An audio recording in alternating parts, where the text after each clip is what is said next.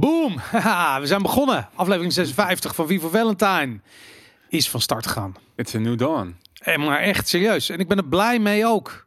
Ik weet niet, ben je blij? Ik ben blij. Ja, maar vooral ook, want vandaag is de allereerste dag sinds acht jaar tijd dat ik geen ambtenaar meer ben. Dus gefeliciteerd, Robert. A new dawn, a new day. Ja, Eindelijk. voelt de, heel raar. De, de, de, de libertarische ambtenaar is niet Is- meer. is niet meer. Nee. Zo. Zijn er volgens mij nog wel, maar ik, ik, eh, ik niet meer. Wat zou je blij wakker geworden zijn dan? Het was heerlijk. Het is een beetje alsof je het soort van een relatie die heel, helemaal niet werkt, na jarenlang stopt of zo. Weet Dat ken je, ik dat, ook. eh, ja. Ja, ik ook. Dat, eh, ja.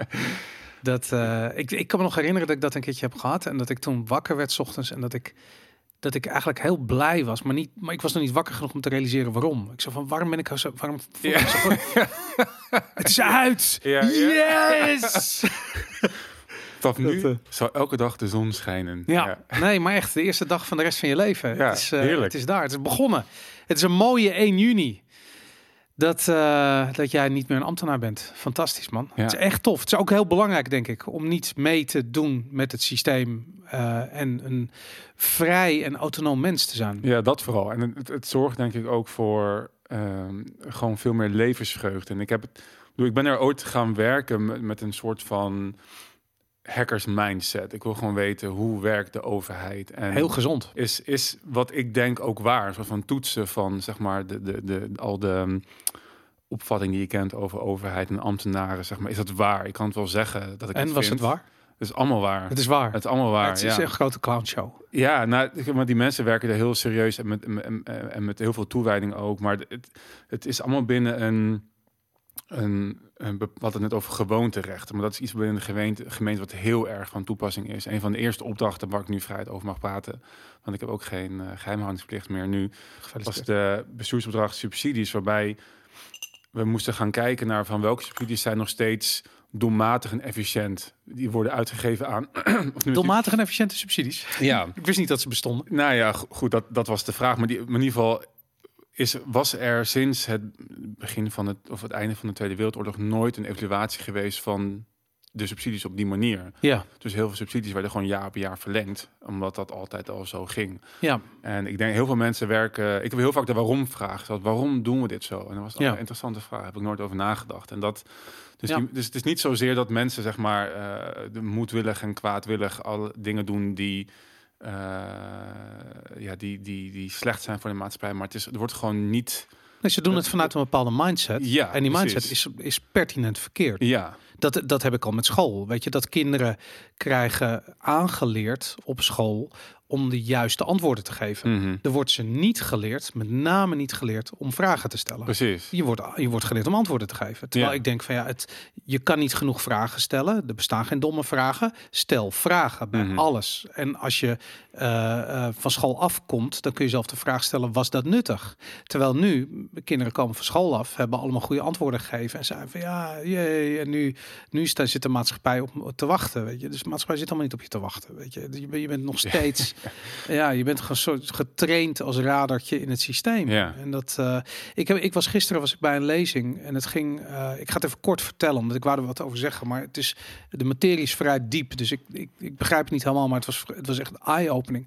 Het ging over een autonoom levend mens zijn. Het ging over een kerel die was, eh, of die vertelde dat hij gaf een presentatie en die zei van die was op een gegeven moment zo klaar met die coronamaatregelen en zijn vriendin woonde in Amerika en dan mocht zonder prik mocht hij niet reizen. En toen kwam je erachter dat je jezelf kunt uitroepen tot autonoom levend mens. Dat is iets anders dan je natuurlijke persoon. Eh, dat kun je herroepen, dat recht. Je, je maakt weer aanspraak op het zijn van een autonoom mens. En eh, dan doe je dus een beroep op de universele rechten van de mens, eh, waarin een artikel staat die zegt dat je vrij mag reizen. Wat je dan mag doen, is je hebt, eh, daar is je achterkomen, je hebt twee soorten diplomaten. Je hebt politieke diplomaten, dat zijn vertegenwoordigers van een land ehm, of van een overheid. En je hebt gewoon diplomaten. En dat zijn vertegen, in zijn geval een vertegenwoordiger van zijn eigen vrije mens zijn. Hij is zichzelf, hij is een diplomaat van zichzelf.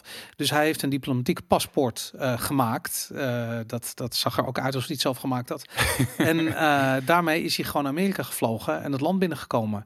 En toen ze hem vragen gingen stellen, heeft hij gezegd: Ik ben een diplomaat. En een diplomaat mag je geen vragen stellen. En er staat nergens omschreven dat hij niet een diplomaat kan zijn, omdat hij doet een beroep op een regel die zo fundamenteel is. Namelijk dat je een vrij mens Mhm. bent. En dat je dus recht hebt op vrije, vrij reizen. En, Mhm. overal te gaan en staan.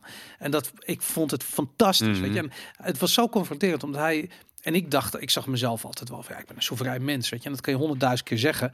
Maar eigenlijk benadruk je daarmee dat je dat niet bent. Omdat je dat alleen maar zegt om je af te zetten tegen die autoriteit die we allemaal boven ons hebben.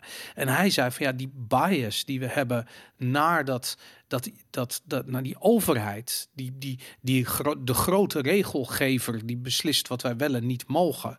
Dat is niks meer dan dat. Het is een bias Hm. waar je niet eh, ehm, aan hoeft. Eh, je, je aan hoeft te onderwerpen. Je, je, je, je kiest ervoor om een onderdaan en onderdanig te zijn aan die, eh, eh, aan die, aan die regelgever.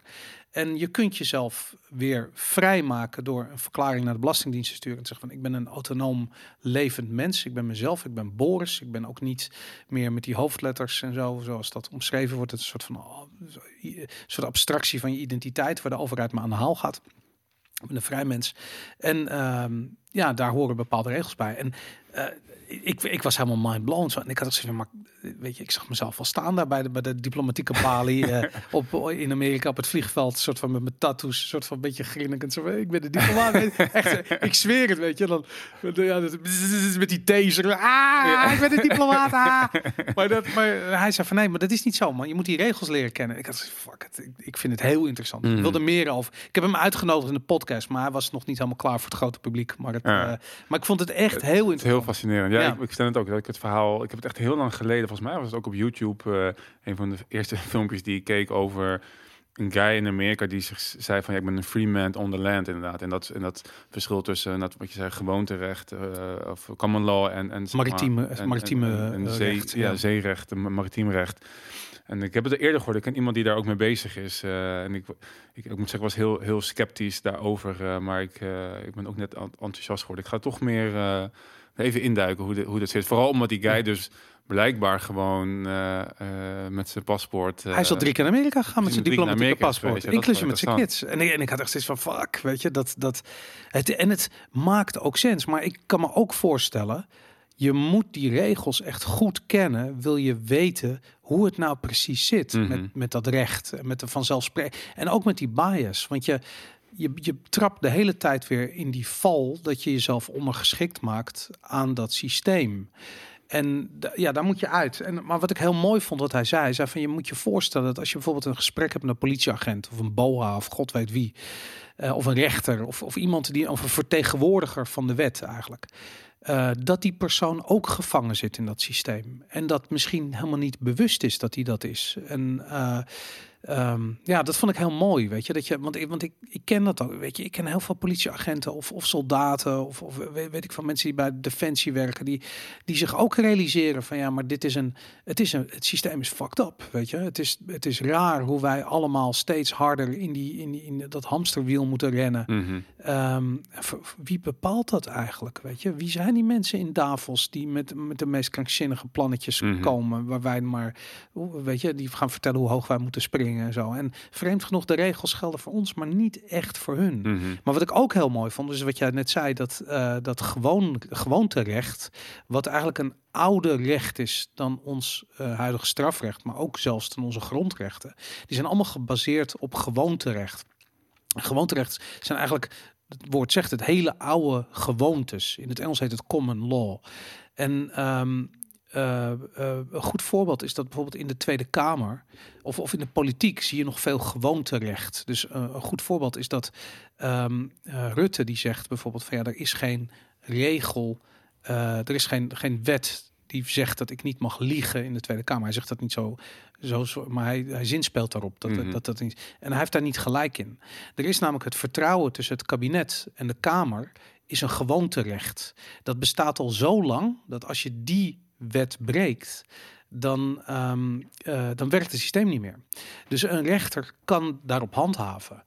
Goed, moet er wel een zaak van gemaakt worden. Maar Rutte en met name Hugo de Jonge, die echt gezegd heeft van ja, er komen geen eh, controles, daar moeten we, eh, dat moeten we wettelijk onmogelijk maken. Dan, moet, daar ga ik voor liggen, weet je. Dat ging nog over in Mhm. de beginperiode dat er een soort van vaccinatiebewijs zou komen of iets Mhm. dergelijks. En eh, hij deed die uitspraken en natuurlijk kwam het er wel. Weet je, de QR-codes zijn gewoon gekomen. Hij heeft daar heeft hij de wet gebroken. En dat, dat gaat over gewoonterecht. En ik, ik ben echt heel benieuwd of dat, eh, eh, ja, of, of, of dat opgepakt gaat worden. Ik, ik weet dat er van alles in voorbereiding is, maar, maar dit moet gewoon voorkomen. En dan niet die corrupte D66-rechters. Maar, eh, maar, maar ja, dat, is hier, wel, dat is wel een dingetje, ja. dat is, nou, maar dat, dat is absoluut een dingetje. Maar, die, maar dat gewoonterecht, daar hoort eigenlijk... In Engeland heb je ook een, een- een common law court. En dat moet hier ook komen. Gewoonterecht, eh, rechtbank, die gespecialiseerd is in Mhm. gewoonterecht. Eh, zodat je niet al die corrupte D66'ers die gewoon heel politiek gekleurd zijn... en gewoon Hugo de Jonge net zo lang de hand boven het hoofd houdt dat het echt niet meer kan. Mhm. Ehm, maar gewoon rechtspraak naar de gebruiken die we hier in dit land hebben. Mhm. Gewoonterecht. Ja, ik vond het heel mooi. Ja, interessant. Ja, je zei al net van het past heel goed bij natuurlijk bij libertarisme, autonoom mens zijn. Ja, ik, ik, ik, ik kende het principe al heel lang, maar ik heb ergens dat ehm, ook de laatste keer toen die vriend van me daarover had, dat hij daar ook mee bezig was met zo'n brief sturen aan de Belastingdienst. En daar, hij was echt, wat jij net schetst, in dat proces Ja.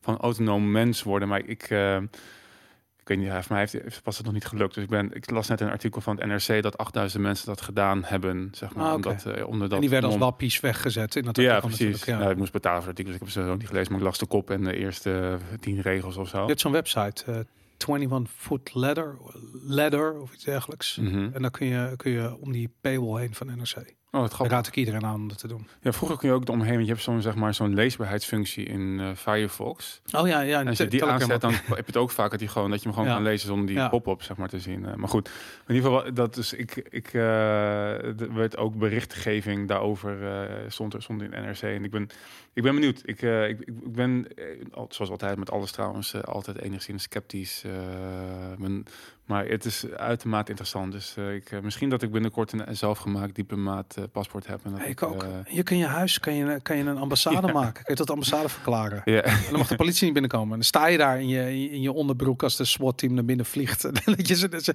ben je zo aan het uitleggen wat, dat je wel degelijk een, een ambassade bent. Ja.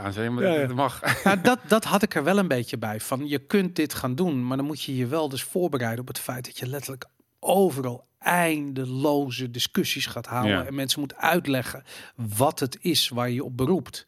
En dat Want, want kan je überhaupt nog, want dat heb ik ook gehoord, kan je überhaupt nog functioneren in de maatschappij? Omdat je eigenlijk continu contracten afsluit met de overheid of ja, overeenkomsten. dat moet je niet meer doen dan. Nee, dus maar kan je dan nog wel normaal door het, eh, door het dagelijks leven heen navigeren? Ja, maar Kan je een bankrekening hebben, dat soort dingen? Ja, nou ja, I guess. Ik, ik weet het niet. Waar- waarom heb je een bankrekening nodig, man? Je hebt toch bitcoin? Fuck it, weet je. Ik bedoel, Ja, we zijn nee, het is ja, 2022. ja. Je heeft dan nog een bankrekening. Als je die nog niet kwijt, als dat nog niet in beslag genomen is, dan, eh, Ja, dan- weet ik niet wat je bij deze Nee, podcast dan ben, je, dan, ben je, dan ben je controlled opposition. Maar echt, die, die term viel ook veel gisteren. Goed, eh, zullen we even beginnen met wie wij zijn? We hebben het nooit over Ja. wie we zijn. Wie ben je eigenlijk, Rob? Ja, ja ik, dat, dat komt. Ik zag die, af en toe die vraag voorbij komen. Of mensen die dan eh, na vier afleveringen. Zeg maar hoofdkrabbend denken, oh, ken ik die guy van ook weer? En, en dan Ja. is het van, oh wacht, die Game van Game Kings, eh, ja. Nu weet ik het. Ze dachten in heel veel podcasts die, die zeggen volgens mij een beetje zo'n beetje elke ehm, aflevering moeten zijn. Dus dan Mhm. moeten wij dat af en toe eh, nu bij aflevering, wat is het? 56. eh, Aflevering 56. eh, ook, eh, ook doen. Ja, wie ben ik? Ja, ik uh, geen ambtenaar meer dus. Sinds, vandaag. Gefeliciteerd. Wel acht jaar geweest. Ehm, maar vooral iemand die zich al jaren, echt van voor 2010, weet ik veel 2005 of zo, bezighield met politiek en vrijheid. en uiteindelijk bij de Libertaire Partij ehm, mezelf verkiesbaar gesteld voor gemeenteraadsverkiezingen en landelijke verkiezingen. En Ja. heel lang in het bestuur gezeten. En nu niet meer bestuur, maar wel politiek leider van de Libertaire Partij. Eh, een partij die eh, hard groeit in deze coronatijd, omdat mensen inzien dat de overheid een probleem is en niet de oplossing voor onze problemen. Ja. Een van onze oude slogans. Eh, ja, en ik, ja, ik, ik, ik ben een anarcho-kapitalist. Ik geloof niet in overheid en onderdaan. Ik geloof in vrije, autonome mensen eh, die zelf bepalen hoe ze hun leven inrichten. Die eigen verantwoordelijkheid willen, ne- willen nemen om hun leven zingeving te geven. Ja. En ik wil eigenlijk een, een, een ik heb op mijn LinkedIn staat een, een, een, een voor mij op Twitter ook een slogan, architect van de vrije wereld. Want ik geloof dat ik snap hoe, wat de onderdelen, de bouwstenen zijn van een vrije wereld. En die, in die wereld wil ik graag helpen, Ja. helpen bouwen. En de politiek is daar een onderdeel van, maar vooral de podcast eh, is voor mij eigenlijk nog belangrijker geworden. Omdat ik denk dat media en dat soort instituties heel erg bijdragen aan het, het creëren van zo'n, van zo'n vrije wereld. En politiek is toch een beetje ook wat je waar we net over hadden, is je bent toch een beetje, ehm, of als je net zoals, net zoals dat je zegt dat je soeverein bent, is het, is het of een afzetten tegen. Het is, een te, het is zeg maar in contrast met iets wat je, waar je niet voor wil staan. Dus ik wil eigenlijk, en politiek is het ook, je gaat een beetje binnen het systeem vechten tegen het systeem. En ik wil nog wel doen. Ja. Maar ik geloof ook veel meer in het opbouwen van zeg maar dat nieuwe. En, en, en ehm, ook in deze tijd zeg maar de verantwoordelijkheid en de vrijheid pakken om die zingeving alsnog, ook ben je niet helemaal vrij, zeg maar te, te kunnen te kunnen uh, pakken. En ik vind de podcast ook, voor mij is ook een beetje een soort van persoonlijke, emotionele, misschien wel spirituele reis in, in mens, in, in mezelf worden eigenlijk. Ja. Uh, en uh, nou ja, ik, ook een beetje de, de, de dingen die ik deel, de kwetsbaarheid die ik wil laten zien, ook een beetje um, meer, zelf meer mens worden. En ook dat hopelijk naar andere mensen me inspireren om het ook te doen. En volgens mij is dat uiteindelijk wat we willen doen. En dat is ja. wat ik merk binnen de Libertaire Partij. Is heel vaak gericht op zeg maar, minder belasting, minder regels. Wat belangrijk is. Maar wat wil je uiteindelijk mee? Je ja. wil uiteindelijk daar een mens mee kunnen zijn. Zeg maar jezelf mee kunnen zijn. En wat houdt het in? Zeg maar. En die, die vraag, dat zijn eigenlijk mijn idee bij de podcast is ook zeg maar, dus die die vraag beantwoorden. Dus niet alleen maar het aantonen waarom belastingen en regels slecht zijn en waarom dat tegen natuurlijk, tegen menselijk is. En uh, hoe dat beter kan. Maar als het dan beter is, wat gaan wij als mensen dan samen doen? Zeg maar? Wat betekent het om mensen te zijn? En we hebben het vorige keer een beetje gehad over zingeving en wat we altijd toch een beetje spiriwiri vinden. Zeg maar. Wat is het dan meer dan het, het fysieke? Ja. Uh, maar ik denk ook interessante onderwerpen om, om vaker te gaan bespreken. Omdat het uiteindelijk bepaalt zeg maar, hoe jij als mens in deze wereld uh, rondloopt. En ik ben er zelf ook steeds meer mee bezig. Natuurlijk ook het hele verhaal over uh, mijn jeugd en de emotionele verwaarlozing en wat het voor effect het heeft. Maar ook het daardoor minder goed kunnen voelen en eigenlijk ook minder mensen kunnen zijn. En, en die hele reis, ik ben, zit er gewoon middenin. En dat, ja. dat wil ik, ja goed, ik, dat vind ik vaak ook wel uh, spannend zeg maar, om te kunnen om te delen. Maar volgens mij is dat ook inherent mens zijn. Kwetsbaar is inherent mens zijn. Als je niet kwetsbaar ja. durft te zijn, ben je eigenlijk geen mens. En, en nou goed, dus het het, het, het, begint bij politiek, maar het eindigt bij mens zijn en zingeving. En dat volgens mij is mooi uh, gezegd. Wat, ik hier wil, wil doen met, ja. met jou. Ja, super tof. Ja, wij, wij kennen elkaar van. Ik, deed, uh, ik, ik ben mediaondernemer, uh, journalist, jarenlang Game Kings gedaan. Doe ik nog steeds overigens. Um, op een gegeven moment bij BNR aan de slag podcast over crypto, voornamelijk shitcoins gemaakt. Heel donkere periode in mijn leven. Uh, toen de Bitcoin Show zelf gaan doen, toen heb ik jou, uh, ik weet niet hoe we elkaar leren kennen, maar ik denk dat we via mail toen een keer contact hebben op Twitter. Was, ja, het was, was Twitter en ik deelde een van mijn anarchistische memes. En toen zei je, zullen we daar een keertje een podcast over opnemen? Dat was het. Toen ja. hebben we samen een podcast ja. gemaakt en het klikte. Het was een heel leuk gesprek en we hadden zoiets van, ja, hier zit meer in. En mm -hmm voor mij zijn al dit soort. Uh, voor mij was het het, het, uh, het uh, soort van die reis door, door geld. Wat geld is en waarom geld een middel is wat we nodig hebben voor vrijheid. Um, ik uit dus bij, bij, bij het libertarisme.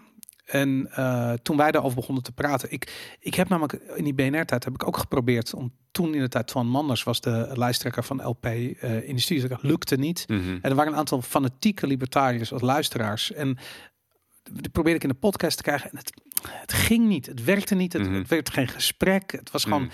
Het, en, en ik vond het zo abstract. En toen wij die podcast deden, was de eerste keer dat ik eh soort van op dus een ingang had in, in wat dat libertarisme nou werkelijk is. Mm. Weet je, en hoe dat werkt. Mhm.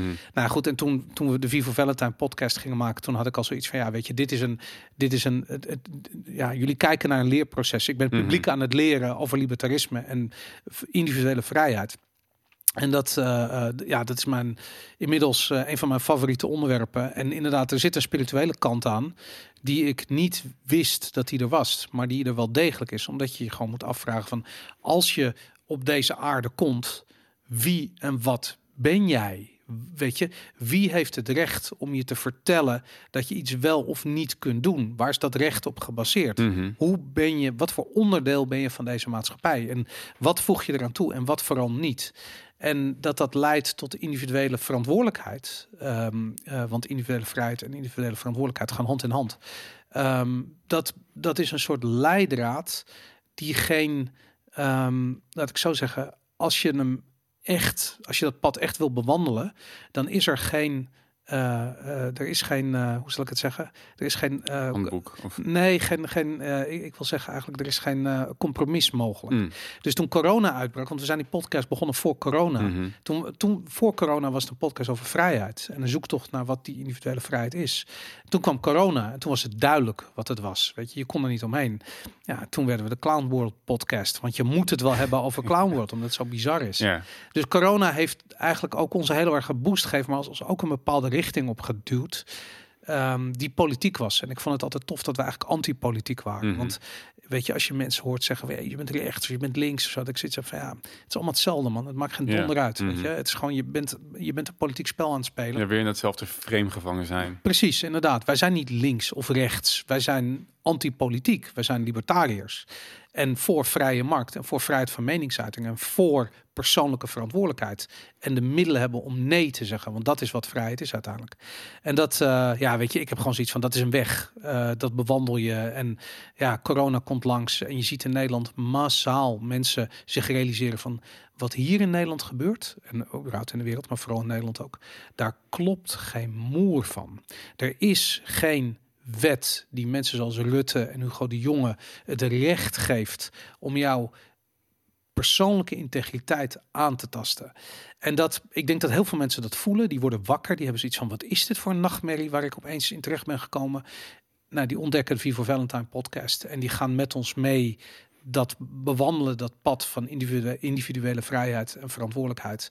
En ja, hopelijk eh, doen we dat met z'n allen. En die, die movement wordt groter en Ja. groter en groter. Dat vind ik Mhm. super vet. Ja, heel vet. Ja, ik vertelde net al dat ik gisteren bij een eh, de inception van een businessclub was. Ik weet niet, ik, ik ga ze nog niet bij naam noemen, want dat, want dat Jawel, Gold Republic. En, nee, eh, nee, die waren die, die spraken daar inderdaad. Ja, en Dat was toch hun ding, of niet? Nee, nee, nee. Dat was En Denise heeft er gesproken. Shout-out naar Denise, luister de sowieso. show. Ja, nee, maar nee, die, die spraken daar, maar het was van van eh, eh, het was het, het was een ander andere initiatiefnemers die dat zeg maar organiseerden. Oké, En dus hun als sprekers hadden uitgenodigd. Maar dat waren dus ondernemers die dus mij ook hadden uitgenodigd vanuit de podcast om daar aan te sluiten. Maar ik was echt, ik was enigszins verbaasd door zeg maar de gespreksonderwerpen en de houding van hele succesvolle en sommige hele grote ondernemers die zeiden van ja, maar wat er nu gebeurd is de afgelopen twee jaar, dat kan gewoon niet. En iedereen die net zegt van ja, wij zijn ondernemers, dus we zijn altijd al een beetje sceptisch geweest richting de overheid en die moet gewoon terug in zijn hok. En Mhm. en, maar het had het over CBDC's en weet je, het ging dus over, het, over het kopen van goud en bitcoin. ja. Het nou goed, dingen waar wij het heel veel over hebben. Maar ik vond het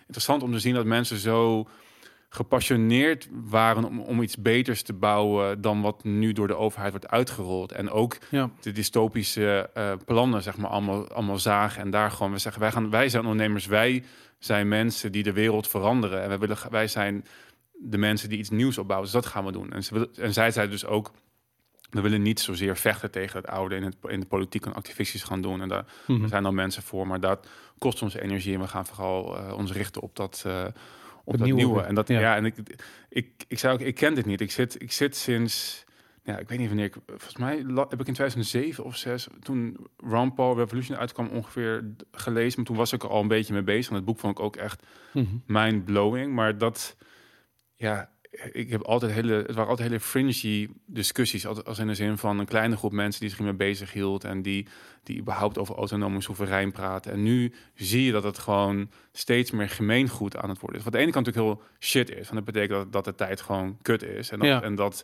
het blijkbaar nodig is om erover te praten. Maar, maar aan de andere kant is het heel hoopgevend. Want ik, ja, ik geloof gewoon, dat zei ik gisteren ook, ik geloof dat de plannen die, die men heeft, die het WEF, het WO, weet ik veel wie allemaal uit willen rollen, dat die Mm. heel dystopisch zijn. Maar ik geloof niet dat het gaat slagen. Als ik kijk naar de, naar de denkkracht, zeg maar, de ondernemerskracht, zeg maar, de, de, de, de menselijkheid van de mens. Zeg maar, het enige wat de overheid kan doen is geld printen en, en dwingen. Ja, En, maar wij hebben al het andere, zeg maar. Dus ik, dat- ik- nou ja, ik, ja, ik, was, ik was echt mega enthousiast naar die meeting. eh, en überhaupt dat soort meetings die ik, eh, die ik vaak heb. ehm, ja ik vind het, ik, het is ook dat gezegde dat politici vaak denken, eh, weet je, ze zijn de, de wat was het, de, de, de, de flow op de rug van een olifant. Mhm. Denken dat ze in controle zijn van dat Mhm. gigantische beest. En omdat je bovenop die olifant zit, ben je misschien ook geneigd om dat te denken. Maar in werkelijkheid hebben ze geen controle. En dat zijn politici is exact hetzelfde. Mhm. Weet je, ik bedoel, ze besturen, eh, eh, weet ik veel, 17 miljoen mensen in Nederland. Als die 17 miljoen mensen eh, de ene kant op gaan en de politici gaan de andere kant op, ja, dan, dan is het klaar en is het afgelopen. Mhm. Ehm, en wat dat betreft denk ik ook van ja, die, die, die, die podcast en dat vrije woord is zo ontzettend belangrijk. En daarom is het ook logisch dat die oorlog plaatsvindt in dat, op dat, eh, in dat theater. Weet je, ik bedoel, de, de, de internet uh, zometeen, ze willen eigenlijk, en dat hebben we al gehoord van Christine, uh, hoe heet ze? Lagarde? Nee, niet Lagarde, ik bedoel eigenlijk Ursula van der Leyen. Ah, mhm. Die heeft al iets over gezegd, over dat we straks een soort internet krijgen waar je je moet identificeren voordat je in kunt loggen, dat soort shit. Mhm. Flikker op, Ja. weet je. Ik bedoel, het is te laat. Het, Ja. Mensen pikken het niet meer. En ehm, ik denk wat dat betreft ondernemerschap, dat zit eh, zeker hier in Nederland, dat zit in ons DNA. Mhm. En dat zijn dus, ondernemerschap is niet gewoon geld verdienen en rijk worden. Ondernemerschap is de problemen die je tegenkomt oplossen. Ja, precies. En dat is ondernemerschap. precies, dat en- zeiden zij ook gisteren. Ja, Ja. en, en ik, ik, ik bedoel, elke ondernemer die ik ken is bezig met het resultaat. Weet je, er zijn heel veel mensen in Nederland die bezig zijn met de problemen. Die focussen erop en komen er niet voorbij, omdat ze bezig zijn met die problemen. En een probleem waar je energie in steekt, wordt groter. Dus die problemen worden groter en groter en groter. De, die, die zie je ook in de soort van de, de, de, het wappiekamp. Weet je, ik bedoel, ik ben een wappie hoor, dus ik, het is een geuzennaam. Maar het wappiekamp zie je veel mensen die heel erg focussen op problemen. En die problemen Ja. worden groter en groter Mhm. en groter. Totdat ze ze echt, totdat ze erin verzuipen. En ondernemers zijn mensen die de problemen zien, ze analyseren en ze oplossen. En daar heb je een aantal eigenschappen voor nodig. Een van die eigenschappen is bijvoorbeeld niet alle problemen op een hoop gooien. Als jij drie kleine problemen op een hoop gooit, onmogelijk om het nog te ontrafelen. Maar kun je ze lostrekken van elkaar en één voor één zien voor wat het is, zijn ze vaak niet zo heel groot. En kun je ze oplossen. En dat, zijn, dat, dat is hoe ondernemers denken. En ik denk dat heel veel mensen in Nederland zo denken. Nederlanders zijn redelijk pragmatisch Mhm. hier. Je, dus ook met dit soort shit. En als je met de liegende Mark Rutte, ik bedoel, ik begrijp niet hoe die man nog altijd 25 zetels in de peiling krijgt. Ik begrijp het niet. Maar oké, we hebben een liegende leugenaar als premier, de liegende leugenaar. En eh, eh, we hebben een kabinet eh, wat zijn do door de vingers ziet, het, het, het, het, het gewoonterecht breekt, omdat er een vertrouwensband moet zijn tussen de Kamer en, de, en het kabinet. Ehm, en het is klaar. En ik denk dat mensen nu zich realiseren van dit is een probleem, Mhm. dat gaan we oplossen. En hoe los je dat op? Weg met die oplichters, oprotten, Mhm. klaar ermee. En ik voel het. Mhm. Ik denk dat eh, als je dit kijkt, voel je het toch ook? Laten we eerlijk wezen. Als je, je voelt in je hart dat het klaar is met die shit. Mhm. Geen QR-codes meer, niet meer dat circus, niet meer de clown, klimaatgekte, bullshit, angstcultuur, bang voor dit, bang voor dat, bang voor zus en bang voor zo. Fuck it, we gaan allemaal dood, maar eerst gaan we leven. En dat doen we zo, weet je. Mhm. Dat is het oplossen van problemen. En dat vind ik ook zo vet aan het eh, boek The Sovereign Individual, wat we zo meteen gaan bespreken eh, in, in de extra uitzending. Eh, ik was vanmorgen dus weer even het begin aan het lezen, maar dat, maar zij schetsen ook een heel positief toekomstbeeld inderdaad over, over de, de- het eigenlijk het kunnen van de mensen en, en het verlies van Ja. vertrouwen in de politiek. Dus dat ja, nou goed, daar gaan we Het is een fantastisch boek. Ja, we hebben een. eh, ik zet een. eh, pak hem bij het half uur versie op YouTube. En er staat een lange versie op vivovalentine.com. Die kun je zien als je de tribe joint, als je ons support, als, je een, als je een rebel wordt of een premium lid. support Vivo Valentine als je het tof vindt. Kom erbij. Ehm, ja, dan, eh, dan hebben we allemaal extra content voor je. Onder andere dus de boekbespreking, de lange boekbespreking van eh The Sovereign Individual. Wat een, eh, een bijbel is voor iedereen die ziet dat de kosten van het handhaven van het geweldsmonopolie van de overheid, dat dat ook direct de Achilleshiel is van dit systeem. Maar daar gaan we het straks over. Ja. Ja. Misschien nog even terug over die eh, wie, wie zijn wij en eh, de Sunday special die je had met eh, Richard Hoofs, ja. Hoofs. Ja. Ehm, en daar, daar kwam ook het woord bezieling en zingeving en geluk zeg maar veel, veel voorbij. En ik Ja. moest gaan denken, van, we hebben het nooit over gehad wat, als je het over hebben, zeg maar, wat ons overkoepelende wereldbeeld is. Dus we hebben natuurlijk een heel duidelijk beeld over zeg maar het fysieke, maar er zijn verschillende theorieën over hoe we hier als mens gekomen zijn. Je hebt natuurlijk de evolutietheorie, je hebt, eh, Mhm. je hebt zeg maar het, het, het, eh, de Abrahamistische geloven, zeg maar dat zijn Ja. dus het Jodendom, Christendom en eh, de, de islam. Allemaal vanuit dezelfde, allemaal vanuit Abraham, zeg maar, gekomen. Mhm. En je hebt, ja, ik, en, en goed alternatief. Is dat met die aliens en Anunnaki? Dat die nou, toch? dat, nee, dat ook net zeggen. En dus de alternatief inderdaad. Ik, ik, ik, ik zijn tolletjes groot in mijn hoofd, maar ook inderdaad andere. ehm, ehm, ja, ik weet niet of het een mix is, maar er zijn in ieder geval natuurlijk heel veel theorieën over hier. Scientology is toch niet met... met ik, weet, ik weet dat het hele idee is als je level, weet ik veel wat bent, dat je dan met een alien en hoe heet die, Xe- Xeno, Xeno Ja, nee, maar het, is een beetje Anunnaki-achtig. Dus Scientology eh, zegt dat we hier op aarde zijn eh, ge- ge- gezet door aliens, soort van in een soep gegooid en daar vanuit ontstaan. Dus we zijn zeg maar een soort van kweekvijver van, van andere, andere eh, van, van aliens. Ik- Wij zijn geen aanhangers van Scientology. Als je dit soort dingen... Ik, Ja. moet even onderstrepen dat dat niet zo is. Maar het is gewoon... Ja. Maar dat, maar dat eh, doen we ook denken aan het verhaal wat jij laatst vertelde over de, eh, inderdaad de. Voor mij heeft dat nooit hier verteld. Vond het echt een hele, hele interessant. Ik hou ervan om over dit soort dingen na te denken. Merk, ik merk dat er iets in mijn hoofd gebeurt ja. als we gaan praten over Nou, waarom zijn we hier op aarde. Of, ik weet De slave is. species of the gods, Die, daar heb je het over. ja, Ja, ja, ja, Volgens mij hebben we heel kort genoemd. Dat was een tip van een eh, kijker. Die zei, je moet slave species of the gods gaan lezen. En toen ben ik dat gaan doen. En ik kende al dat, eh, die, dat werk van Erik van Deniken. En dat gaat er eigenlijk over dat Ancient Aliens, dat die de, van de History Channel, dat idee, weet je, wij zijn eigenlijk als aliens op aarde gekomen hier en wha- whatever. Dan moeten we al, absoluut een keer gaan bespreken, want het is een leuke, het is gewoon een leuke theorie. Ik bedoel, Mhm. of je nou het serieus neemt of dat je gewoon van een goed science fiction verhaal houdt, het is lachen. Ehm, maar ja, inderdaad, misschien dwalen we af. Weet ik niet. Volgens mij, volgens mij was het. Ik, ik vond het passen bij, bij het kopje wie zijn wij en wat is onze levensovertuiging. ja.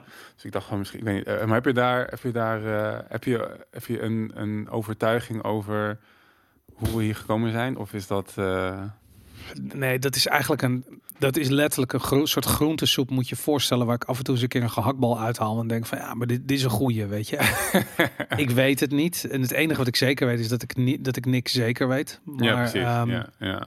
er is een spirituele kant waar ik eigenlijk nooit echt tijd en energie in heb gestoken. Wat ik nu interessant begin te vinden. Dat was ook een beetje bij dat gesprek van Richard Hoofd. Ik voel me niet helemaal gemak in dat Mm. spirituele domein. Ik weet er gewoon niet zoveel van. Uh, maar ik vind het wel heel tof. Ehm, en ik lees er ook wel veel over. En ik ben nu een boek aan het lezen uh, wa- waarvan ik zeker weet, ja, dat, is echt de, de, de link tussen aan de ene kant het hele rationele en aan de andere kant het hele spirituele. Mhm. Je hoofd en je hart, Ja, dat samen ja. komt eigenlijk.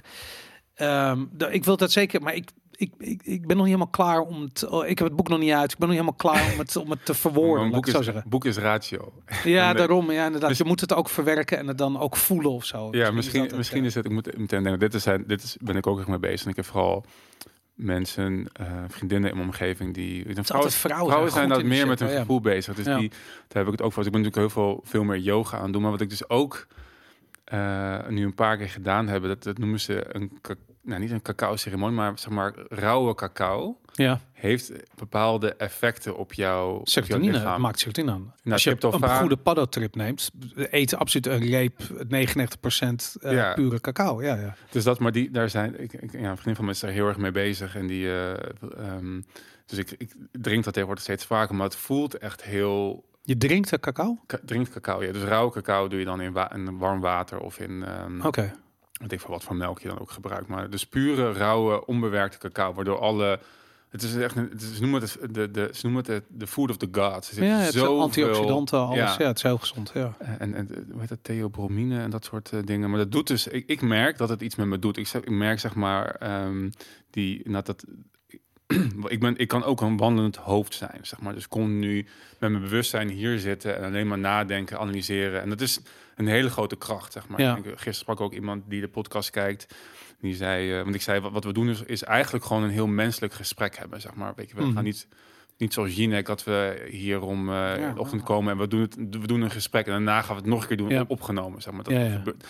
Het is gewoon een natuurlijk. eh, eh, We zitten, we- de ochtend begint dat we boven koffie en thee zitten drinken. En dan op een gegeven moment naar de studio gaan en dan doorpraten. waar we het eigenlijk al over hadden. Ja. ja, inderdaad. En, en, maar dat. ehm, eh, dus, we, dus we lezen wel veel, maar, maar het, is, het is vooral een heel menselijk, menselijk gesprek. En wat, ik- en wat, eh, wat ik wilde zeggen is dat zeg maar de. de ehm, dat cacao, het, het- ja, ik weet niet. Het, het, dus wat nee, ik wilde zeggen, we analyseren heel veel. Dat kunnen we heel goed. Dat is ook een kracht. Maar voor mij zit er dus ook heel veel nog in dat, in dat emotionele deel. Wat, wat volgens mij Ja.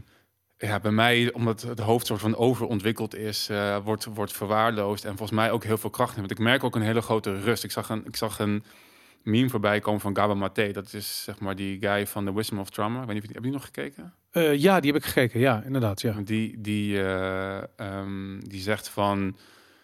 ehm, security is not, is not the absence of threat, maar de, maar de ehm, zeg maar, het, het, het, het er zijn van connection. Oké. Dus connectie zorgt voor, voor rust en vrede. En niet de afwezigheid van dreiging. Maar die zijn Ja. er zeg maar altijd. En ik denk dat die connectie met jezelf heeft te maken met niet het in je hoofd zitten. En vooral ook meer met je lichaam bezig kunnen zijn. En Ja. dat kunnen voelen. En dus wat jij zegt, het ongemak. Zo begon ik over het ongemak van bepaalde onderwerpen. Heeft denk ik ook met die disconnectie te maken. Dus waar ik heen wilde gaan, is dat cacao, dat zeg maar een soort van merk ik bij mezelf soort van onderbreekt. Je, ik voel dat ik meer in mijn lichaam kom te zitten en dat het, dat het, ja, ik weet niet wat die dingen met je doen, maar het doet echt iets met je. Diabetes Eh, doet het met je. Cacao niet, toch? Ja, Dus, eh, suiker. Er bij zitten. Ja. Maar wat ik wil zeggen is dat ik heb het nog niet gekocht, maar ik ga dat, ik ga dat kopen. Dus dan neem ik het volgende week mee en dan kunnen we dat hier Dan, en gaan we Een cacao ceremonie, ceremonie doen. Hier, en ja, dan top. kunnen we over dat onderwerp eh, Dan neem ik mijn paddo's mee. Ik, heb, ik kweek paddenstoelen, dus Oh ja? neem ik mee. Ja, kunnen, misschien Oh, kunnen we een, een, een, een, uitzending doen dat we aan het trippen zijn. Dat lijkt me heel vet, ja. Dat gaan we ook doen. Ehm, laten we het nog heel eventjes hebben over de Free Market Roadshow. Ja, Die ben jij aan het opzetten, aan het organiseren. Ja. Eh, alle premiumleden hebben daar een uitnodiging voor gekregen. yes. Eh, die mogen daar gratis naar binnen. ja. Niet-premiumleden eh, mogen zich nu ook inschrijven Ja. daarvoor. Ja, ja, we, ehm, ja, de Free Market Roadshow, mij heb ik het kort al een keer benoemd, maar dat is een jaarlijks terugkerend evenement georganiseerd door de Austrian Economic Center ehm, in Oostenrijk. Ja. Eh, opgericht door eh, Barbara Kolm. En dat is de vice-president van de eh, Oostenrijkse Centrale Bank. Dat vind ik fantastisch. Dat Vind zij dus Ja. een vrije markt, Ja. eigenlijk anarchist is. Precies. Ja, precies. De, maar dus ook oprichter van de Austrian Economic Center en van de Hayek Instituut in, in Oostenrijk. Dus heel erg Oh. bevlogen om het verspreiden van de vrije markt. En, en, en goed, alles waar wij het over hebben, zeg maar, dat heeft zij dus in een roadshow gedaan door heel Europa heen. En dat, ehm, dat zou dit jaar niet plaatsvinden. Maar ik heb gezegd, van, ja, ik wil gewoon dat het ook in Amsterdam plaatsvindt. Ja. Eh, dus last minute eigenlijk eh, met hen gesproken. En nu op 9 juni om twee uur in de beurs van Berlage, bij Miet Berlage. Uh, Oudebrugsteeg 9 eh is een aantal keynote eh, speakers die daarover de vrije markt gaan praten. Waaronder Bar Barbara Krum, die, eh, die gaat het openen. Eh, Tof. ehm, en ik dacht van ja, dat, eh, we hebben nog geen uh, Viva Valentine meetups gehad. Maar dat als je elkaar wil ontmoeten onder het eh, genot van gesprekken die je hier zeg maar ook hoort, dan eh, Super vet. nodig iedereen uit om daar Het is te schrijven. 9 juni, zei je? 9 juni, donderdag 9 juni. Ja, dus Tof. als dit uitkomt volgende week. Oké, De nou, laatste plaatsen kunnen nog eh, worden vergeven. vet. Er staat een link in de show notes. Daar moet je eventjes registreren. En dan krijg je een e-mailtje met een eh toegangbewijs. en dan mag je ook naar de Free Market Roadshow komen. Het is ook kosteloos eh, voor de mensen die willen komen, toch? Yes. Ik haat het woord gratis. Gratis bestaat niet. Kosteloos. Ja, nee. Het is kosteloos. No such thing as a free lunch. Nee. Ja, precies, inderdaad. Het wordt betaald door... Wie betaalt het? De Austrian Economic Center. Ah, Oké, daarom. Bar- Nou, Barbara betaalt het. Barbara betaalt het zelf. Heel vet. Thanks, Barbara. Ehm, je hebt een, eh, ehm, een, een, een, punt toegevoegd aan de show notes. Het bezieling, geluk en vervulling. En als je je vinger opsteekt in een klas, dan maakt dat kwetsbaar. Ja, Ehm, ik ging er een beetje vanuit dat je bedoelde dat wij ons als podcastmakers, en wij niet alleen, maar iedereen die eh, zich uitspreekt, eigenlijk zijn vinger opsteekt. Mhm. Bedoel je dat ook? Mhm. Ja, dat was eigenlijk. Ja, we hebben het net al een beetje over gehad. Want ik, ik, ik wilde inderdaad bij wie zijn wij en waar geloven we in. Dit stuk ook. Waarom doen we dit? Dit ook opsteken. En ik, heb, ik zat vanmorgen naar Sven Hulleman te kijken. Want iemand die comment, die reageerde met zijn show op een eh, ergens, ergens bij ons onder. En ik dacht die ging stoppen met zijn podcast. Maar goed, ik heb niet helemaal afgekeken. Zou ik het best schokkend vinden. Ja, dat ik was kijk ook- het niet altijd, maar Ja. ik kijk het wel eens. dat, dat was ook de opmerking van de comment van wat erg is. ehm, Uh-huh. Is eh, oh, het was trouwens op mijn Twitter. En ik heb, eh, ik heb een, mijn, mijn, mijn, mijn pinned tweet is de euro gaat vallen, de dollar gaat kapot of zo. eh, en wie Ja. van de 150 kamer gaat hier aan gaan besteden. Toen reageerde die van Sven Hulman stop. Dat is veel erger, zeg maar. Dat was van de week. Oké. Maar ik weet niet of het waar is. Ik heb, want ik moet zeggen, ik, ik heb het begin gekeken ehm, en daarna ehm, eh, Sven die, die hij leek me iemand die het ehm, zwaar had met hoe de wereld nu vormgeeft en dingen in elkaar steekt. En dat Ja, hij zegt altijd dat hij dat niet zwaar mee is. En dat hij er heel luchtig mee omgaat. Maar zijn hele lichaamstaal is, gezicht anders. Is niet Ja. luchtig, nee. Dus ik merk Ja. dat ik daar eerder over had. En er hebben veel eh, meer mensen die zeg maar, zich bezighouden met de dingen waar wij zich mee, bezighouden. Die op die, die die toon aan gaan slaan. En ik kan daar niet zo heel veel mee. Ik, bedoel, ik snap, ik vind het ook heel erg, maar ik wil daar niet op die manier mee bezig zijn. Dus, maar hij zei wel iets over wat ik interessant vond, inderdaad, van dat, dat uh, had een beetje over de nieuwe media en um, dat uh, het eigenlijk altijd heel eng is om als uh, jongetje of iemand in de klas je vinger op te steken en een vraag te stellen bij dingen die verteld worden, omdat je daarmee jezelf kwetsbaar maakt. En ik vond ja. het een hele mooie metafoor, inderdaad. Wat inderdaad volgens mij heel veel mensen en wat wij ook weer doen, gewoon ja, je vraagtekens stellen bij dingen die gebeuren, waar mensen eigenlijk geen vragen meer bij durven te stellen, omdat je misschien gek of raar of dom wordt gezien. En je wordt weggezet, je wordt ja. buiten de maatschappij. Terwijl het zo belangrijk om vragen te stellen. Ja. Ook voor kinderen in de klas. Mhm. Ik bedoel, ik vind dat je elke dag tenminste vijf vragen moet stellen. Ja, precies. Ik bedoel, het maakt niet uit welke vijf vragen. Stel gewoon Ja. vijf vragen. En dat, eh, Het was ook toen, toen ik voor het eerst naar, een- naar een jaar geleden naar een, naar een psycholoog ging. eh, om, om een beetje van, van mijn, ja, ik denk toch sociale angsten af te komen. Wat had je vanuit sociale angst? Iedereen die ik dat zegt, die denkt van, die snap ik. Jij, fuck? jij, jij, ik heb heel goed geleerd om daar zeg maar overheen te gaan. Zeg maar, Ah, gewoon, heeft een ondanks, coping ontwikkeld. ja, die, eh, ja, on- ja. ondanks al die angsten gewoon maar gaan en doen en spreken en weet ik wat allemaal. Ja. En, het, het, eh, en hij zei, ja, je wil eigenlijk aan een soort van plaatje voldoen. Je hebt, een- je hebt een idee van hoe mensen jou zien en daar wil je aan voldoen. En dat levert heel veel stress op in plaats van dat je gewoon jezelf bent. En dus die connectie met jezelf weer vindt. Maar ik kreeg dus als eerste opdracht van durf domme vragen te stellen. Ja. En dat ik merk dat ik dat heel moeilijk vond, zeg maar, naast vragen te zeggen dat je iets niet weet. En dat is, daarom zeg ik ook, deze podcast is ook een soort van persoonlijk proces. Want hier zeg ik het wel vaker dat ik dingen niet, niet weet of niet snap. Of ja. ook gewoon ronduit fouten en gewoon een verkeerde dingen. Het is niet alsof je mensen naar kijken of zo. Weet je. Ik Nee, precies. De kijker. Maar ben- daar ben ik me namelijk ook echt niet van bewust. Hè? Ik bedoel, ik mensen ben- naar kijken? Ja, ik, weet, ik, ik bedoel, ik denk dat we op YouTube, eh, wat is het, 25, 26.000 views halen. Dan hebben we nog podcast listens, dat zijn er nog een aantal duizend. Laten we 30, 40.000 listens, views hebben op een uitzending gemiddeld. Mhm. Ehm, ik ben me daar niet van bewust. Ik bedoel, als ze bij me thuis eh, zouden staan, allemaal zou ik onder de indruk zijn van hoeveel het er zijn. Maar ik ben me daar gewoon niet echt van bewust. Ja, maar de kijker, ik heb dus laatst de, de, het tapje gevonden van YouTube waar je de unieke kijkers per maand kan vinden. En goed, het ligt eraan hoeveel gasten en hoeveel uitzendingen we, hoeveel Sunday specials hebben. Maar het gaat van. Eh, nu in de zomerperiode is het, is het eh 50.000 unieke kijkers, maar het gaat tot 150.000 unieke kijkers per maand. Dus zijn best Oh, ja? mensen. Ik heb, niet, ik heb niet voor zulke grote zalen gestaan. Ik heb voor zalen Ja. eh, gesproken en, en Dat gedaan, zijn er best wel 100 150.000. Dus, ja. Maar het is meer dan RTL 8 doet in een maand tijd, eh, dat soort zenders. Ja, maar dat we- kijk, het is niet te meten. Dat is met dit ook. Weet je, kijk, wat, wat goed is aan YouTube, het is Google. Dus betekent dat je zou ervan uit kunnen gaan dat mensen ingelogd zijn. Mhm. En ook al heb je vijf verschillende devices, waarschijnlijk heb je één account waarop je ingelogd Mhm. bent. Eh, en zelfs dat is nog niet gegeven. Dus het is heel lastig. Wat is nou die definitie van? Ik bedoel, ik heb, weet ik veel, vijf, zes, zeven accounts op, en ik switch gewoon en dan zit ik daar weer en dan zie ik weer allerlei Minecraft shit voorbij komen. En ik zeg, oh kut, ik zit in een account van een van mijn kids, Ik, weet ik je. net zeggen, ik zie, ik zie, eh, ik zie uh, ik heb dezelfde account voor Viva Valentine. En dan zie ik altijd ik- allemaal game shirts. Ja. Dus dan denk ik, oh ja, Boris is er aan het zoeken geweest. Mijn kids YouTube. waarschijnlijk. Oh, oké. Ja. Nee, dat klopt. Het staat gewoon ingelogd overal. Dus, maar inderdaad, in principe, eh, YouTube is redelijk, eh, is het beste wat van het slechtste, laat ik het zo zeggen. Ja. Maar goed, wha- whatever. Ja. maar, maar dus inderdaad het, het, het, eh, het openbaar je vinger opsteken over hoe zit de wereld nou in elkaar. En Ja. ik heb het ook idee dat dat vroeger gewoon veel meer gemeengoed was. Zeg maar. gewoon, ik zie dan een agora in Griekenland voor me waarbij je gewoon vragen stelde over waarom, wat doet die zon daar en wat gaat het heen en wat gebeurt er allemaal. Nu, Mm, Maar het ging toen, kijk, toen was misschien, weet ik veel, bepaalde aspecten over vrijheid en zelfredzaamheid waren misschien vanzelfsprekender. En Hmm. was het daarom normaler om daar vragen over te stellen. Mhm. Maar toen kon je geen vragen stellen over God bijvoorbeeld.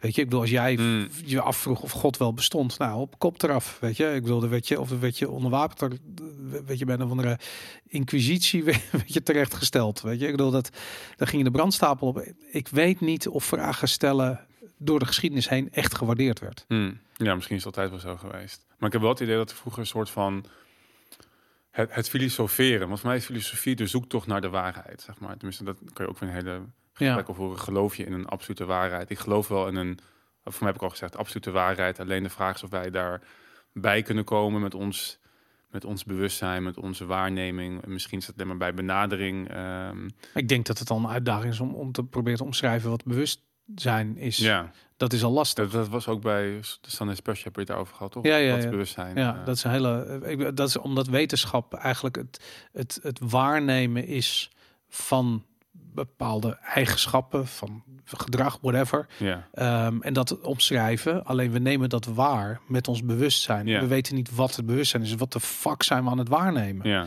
En dat, dat maakt wetenschap heel tricky. Mhm. Eh, ik, ik heb een andere, we gaan alle kanten op. Ik vind het alleen maar leuk. Ik heb een andere podcast zitten luisteren. En die ging over de, eigenlijk een beetje over de geschiedenis van, eh, ik weet niet of je die ook gezien hebt, want ik hem doorgestuurd naar je.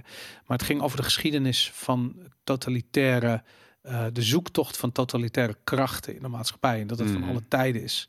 En dat vroeger godsdienst een middel was om ja, eigenlijk de, de bevolking te managen, om, om, weet je, om dat te sturen.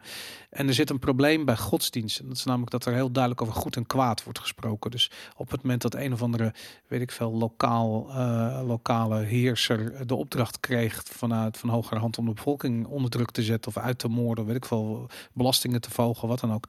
Dan moest hij zichzelf kunnen aankijken en zeggen van ja, ik, ik ga nu naar de hel, weet je, want ik ben hier echt eh, deze mensen eh, kwaad aan het berokkenen. Eh, daardoor werkte godsdienst op een gegeven moment niet meer. Want die mensen hadden toch op een gegeven moment van... Ja, ik heb helemaal geen zin om naar de hel te gaan. Ik ga toch maar het goede doen, weet je. Dus ik ga die bevolking een beetje helpen. Dus dat, dat, er, zat, zaten grenzen aan hoe je godsdienst kunt inzetten... om de, om de bevolking te sturen. Eh, en toen... ehm, op een gegeven moment, eh, ehm, en dat is ook waar die hele eh, genica vandaan komt. Dat is een soort vorm van wetenschap. Het is pseudowetenschap. Ehm, maar het was zo effectief. Het was op angst gebaseerd. En op een gegeven moment dachten ze, hebben ze gemerkt van we kunnen dat inzetten als een soort nieuwe godsdienst. En dat is waar wat je nu bijvoorbeeld met corona ziet, weet je, dat mensen de hele tijd verwijzen, ja, maar dat is een, eh, hij is een autoriteit op het gebied van virologie of weet ik. Mensen weten helemaal niks, weet je, Eh, weten echt helemaal geen, Mhm. geen, geen fucking moer. Maar die, eh, die, die claimen een soort autoriteit. De, die is niet anders dan dat vroeger, weet ik veel, een, een, een bisschop zei van ja, maar ik ben een autoriteit, want ik ben een vertegenwoordiger van het geloof van de absolute waarheid. Nu zijn wetenschappers dat, weet je, de, de experts die vinden dit en dat, weet Ja. je, die, die hebben het alleen recht op waarheidsvinding en die hebben bepaald dat je een mondkapje jou zal beschermen tegen en we doen het voor elkaar en bla bla bla bla. En 98% van de wetenschappers is het eens dat. Ja, dat, dat soort Ja. bullshit. Ja. En de- je ziet daar gewoon van eh, wetenschap is corrupt gemaakt ten behoeve van macht, Mhm. van machtsstructuren. En dat is niet anders dan hoe dat met godsdienst gebeurd is. En dat, eh, eh, ik denk dat mensen dat nu heel duidelijk zien. Door corona is, dit, is dat masker afgegaan en ziet iedereen dat. En ja, als je nu een wetenschapper bent en je kunt jezelf de spiegel nog aankijken, gefeliciteerd. Want het zijn er niet veel namelijk, weet je. Dus dat, eh, ehm, ja, ik denk, ik denk eerlijk gezegd iedereen die zich, die een wetenschappelijke titel of graad behaald heeft voor een of andere studie, die heeft automatisch een probleem met integriteit. En dat probleem moet opgelost worden, want anders kun je mensen gaan wel gaan vertellen dat ze X, Y of Z moeten doen. Maar mensen hebben zoiets van, weet je wat, zoek jij het lekker uit met je gelul, weet je, want het is gewoon gelul. En dat, ja, ik, ik, ik, ik voel dat dat nu heel erg aan het ontstaan is. Ik denk ook dat het ontstaan, maar ik voel ook dat. het Mm. is. Je, je ziet al dat ik, dat ik aan het spelen ben met, met die twee werelden. Maar, Ja. dat, eh, ja. maar goed, dat is. Hmm. Ja, ik weet niet hoe we daarbij Ik komen. wil net ook te denken, hoe kwamen we, we hadden het over bezieling, geluk en vervulling. Laten we het gaan hebben over, ehm, eh, over het nieuws, over Clown World. We zijn 48 minuten bezig, we hebben het nieuws niet besproken. Dat is oké. Trouwens, na afloop van deze aflevering gaan, gewoon, gaan we gewoon keihard door op vivovalentine.com. Dat is dus wel voor alle supporters, alle eh, premium leden, alle rebellen, Eh, Tribe members. de tribe members die ons volgen en supporten. Daar gaan we nog even door. Maar we gaan eerst hier verder met het volgende. Oud-ministers krijgen maar moeilijk een nieuwe baan. Vijf maanden na het officiële ontslag van kabinet Rutte 3 heeft driekwart van de vertrokken ministers nog geen nieuwe fulltime functie. Dat blijkt uit een inventarisatie van onze politieke redactie. En dit komt van RTL Nieuws eh, af. Ehm, hoe komt dit, Robert? Is het misschien zo dat deze eh, mensen eh, gewoon lekker hun, ehm, hoe zal ik het zeggen, hun, ehm, hun wachtgeld aan het opmaken zijn? Of is er iets anders aan? Dat is een hele goeie. Dat zou, dat zou, eh, zou kunnen. Volgens mij was de begeleidende tekst op Twitter van RTO Nieuws dat eh, mensen eigenlijk niet weten wat ministers kunnen. Kunnen ze iets? Ja, precies. Dus ik dacht van ja, dat lijkt me heel logisch dat de mensen dat niet weten. Ik weet ook niet wat ze doen. Ja, Dus volgens mij, ik vond het, ik vond het gewoon zo. zo het is een beetje, politico- politicologie is een beetje zoals vrije tijdswetenschappen. Weet je, van het klinkt vet, Ja.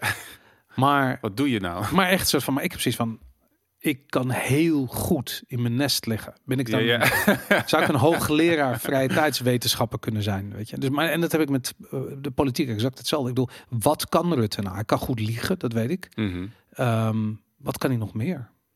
Ja, voor mij ja, hij kan liegen inderdaad. Hij is wel eh, goed ge- ingevoerd in de, in de Hm. overte- overtuigtechnieken en eh, hoe Dat je hij wel. autoriteit moet gebruiken. Maar goed, wat, ja, wat, wat kan je daar nou echt mee? In, Naar beneden trappen, naar boven likken. ja, ja. Ja.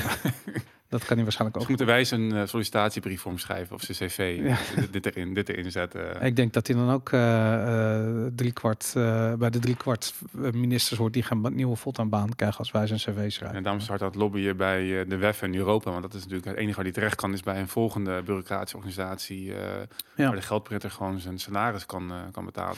Kijk, dat is natuurlijk wel het hele ding, hè.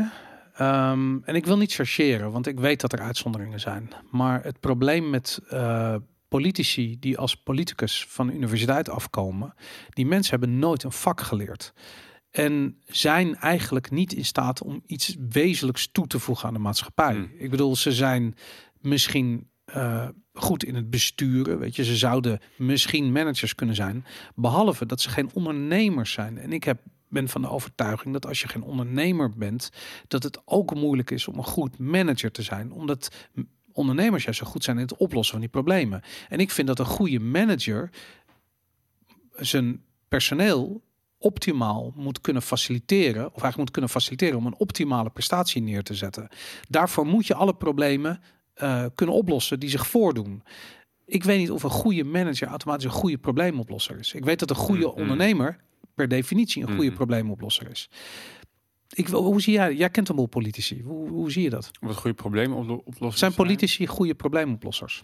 Of zijn ze Nee, goede? volgens mij kunnen ze niet eens vaak de problemen goed definiëren en analyseren. En daar begint het toch wel bij. Het zijn wel goede probleemcreëerders. Ja, precies. Ja. Ja. En, en- zijn probleemmakers. Zijn. En dat, en dat is ook een beetje, ehm, dat is zo mooi natuurlijk aan Zwitserland. Daar is politicus een soort van, je moet het erbij doen, baan, onbe, onbezoldigd. Eh, Ja. Die mensen zijn allemaal gewoon ondernemers en allerlei andere lagen van de samenleving doen ze dit erbij. Het is een soort van plicht die je voelt, maar het is niet dat je daar nou zeg maar heel veel geld mee verdient. En je, hebt, je ontleent daar je eigen waar niet aan. En dat heb Nee. je nu wel. Mensen die ja, het helpt om problemen te hebben, want jij moet die dan oplossen. Terwijl Het, dus je hebt heel veel incentive om problemen te, te, te creëren. Ja. En ik denk, ja, ik vond het ook grappig dat, mij was het Kees Verhoeven van D66, die ging aan de hand van dit bericht en volgens mij ook de, de, de sneer van Caroline van de Plas van BBB, die, zei, die ook een beetje in dezelfde lijn als ons aan het praten was over, ja, maar die mensen kunnen gewoon niet zo heel veel waarschijnlijk. Ja. En toen zei hij van, nou, dat vond hij dan weer nou dan. En ging hij een beetje zijn cv opnoemen. Wat, dat was volgens mij Krantenwijk, ergens nog een bijbaan en toen Tweede Kamer. en Ja, toen werd hij ondernemer, zei hij. ja, oh ja. Nadat hij in het Na Tweede in de Tweede Kamer kwam. Ik dacht van, ja, maar dit is... Ik, ik, en ik, de, grap dat hij dus ook dat... Ik bedoel, er is niks mis met die beroepen die hij gedaan heeft, maar...